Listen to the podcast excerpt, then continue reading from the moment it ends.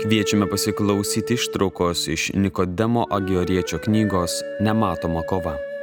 Išleido leidikla Pasaulio lietuvių centras.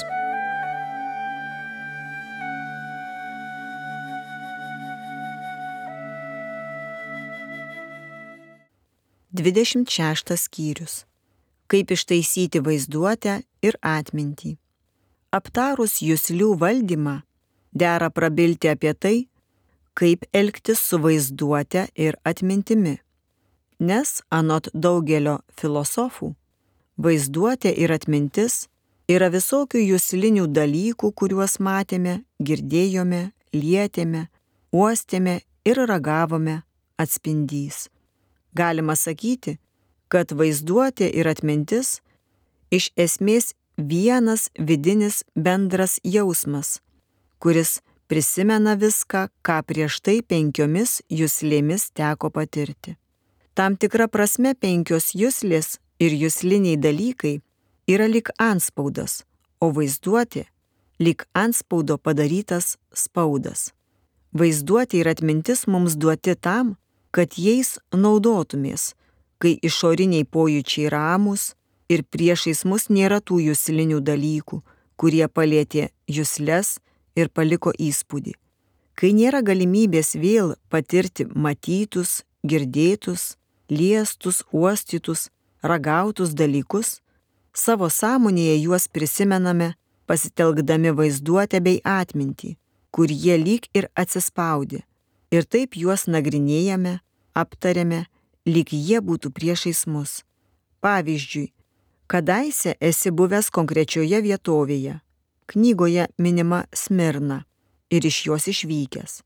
Akimis jos jau nebematai, bet jei norisi vėl ją aplankyti, tai gali padaryti pasitelkdamas vaizduoti ir atmintį, kur išlikęs vietovės vaizdas.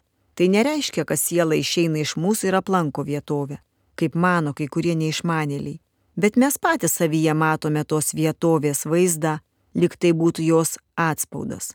Toks jūslinių dalykų vaizdavimas labai įkyri ir sukelia daug nerimo tiems, kurie trokšta visuomet būti su Dievu, nes ši vaizduotė atitraukia mūsų dėmesį nuo Dievo, sukelia sumaištį, gal net ir nuodėmingų minčių, taip sutrikdo gerą vidinį nusiteikimą. Taip kenčiame ne tik tikrovėje, bet ir miegodami bei regėdami sapnus, kuriuos prisimename ne vieną dieną.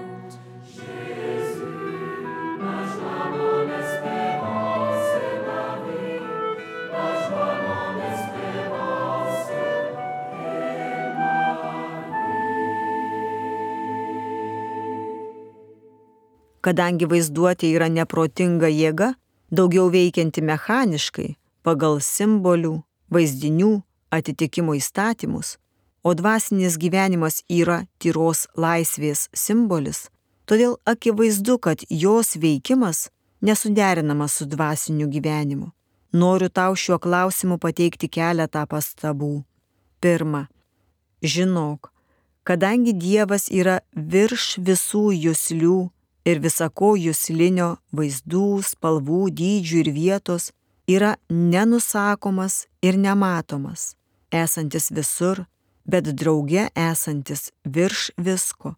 Todėl jis negali būti patiriamas vaizduoti jokia vaizduoti nepajėgi saistytis su Dievu, nes jis yra aukščiau bet kokio mintijimo, sako palaimintieji Ignacijus ir Kalikstas gėrio meilėje.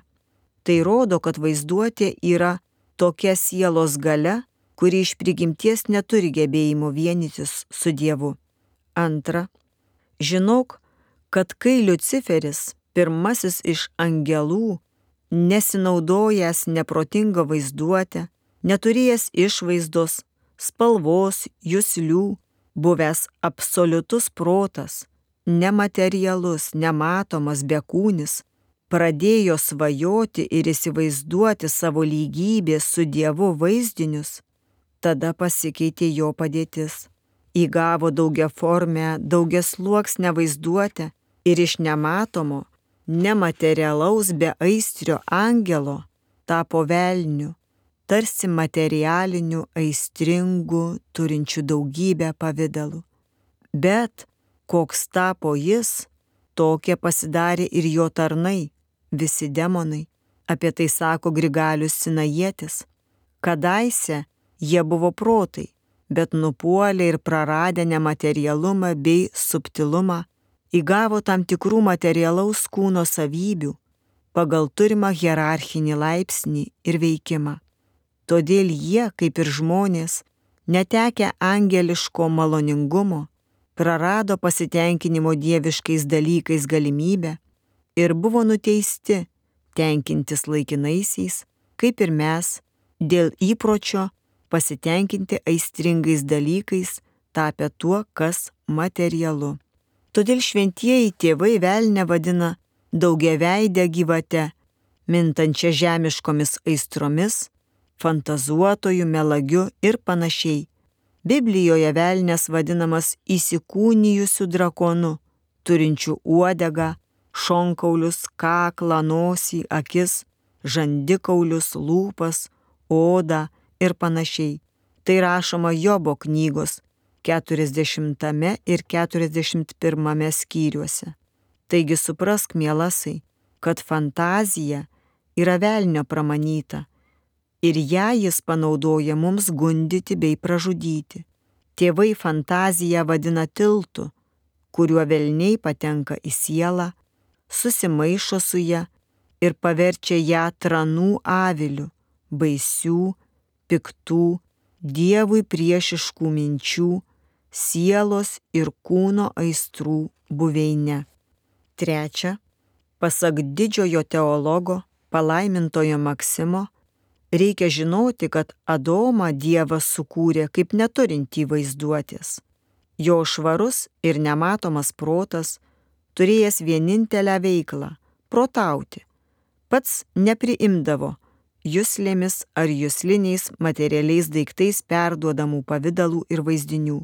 Nenaudodamas vaizduotės žemesniosios galios tam, kad apibrėžtų, apibūdintų, išmatuotų, pamatytų spalvą, bet naudodamasis aukštesnėje sielos gale, tai yra tyra mintimi ir tikrai nejuslėmis, dvasiškai kontempliuodavo dalyko idėją arba jo paskirtį vien mąstydamas.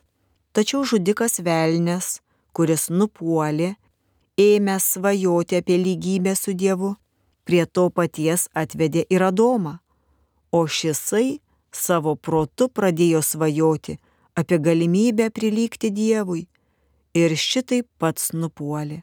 Ir štai iš protinio angelams lygaus, tyro, išmintingo, be vaizdinių suvokiamo gyvenimo buvo nublokštas į jūslinį, suskaidytą, kupina vaizdinių, svajonėse skandinamą gyvenimą, tai yra į neprotingų gyvių būseną. Nes būti panardintam į vaizdinius ir gyventi juose, būti jų veikiamam, būdinga neprotingiems gyviams.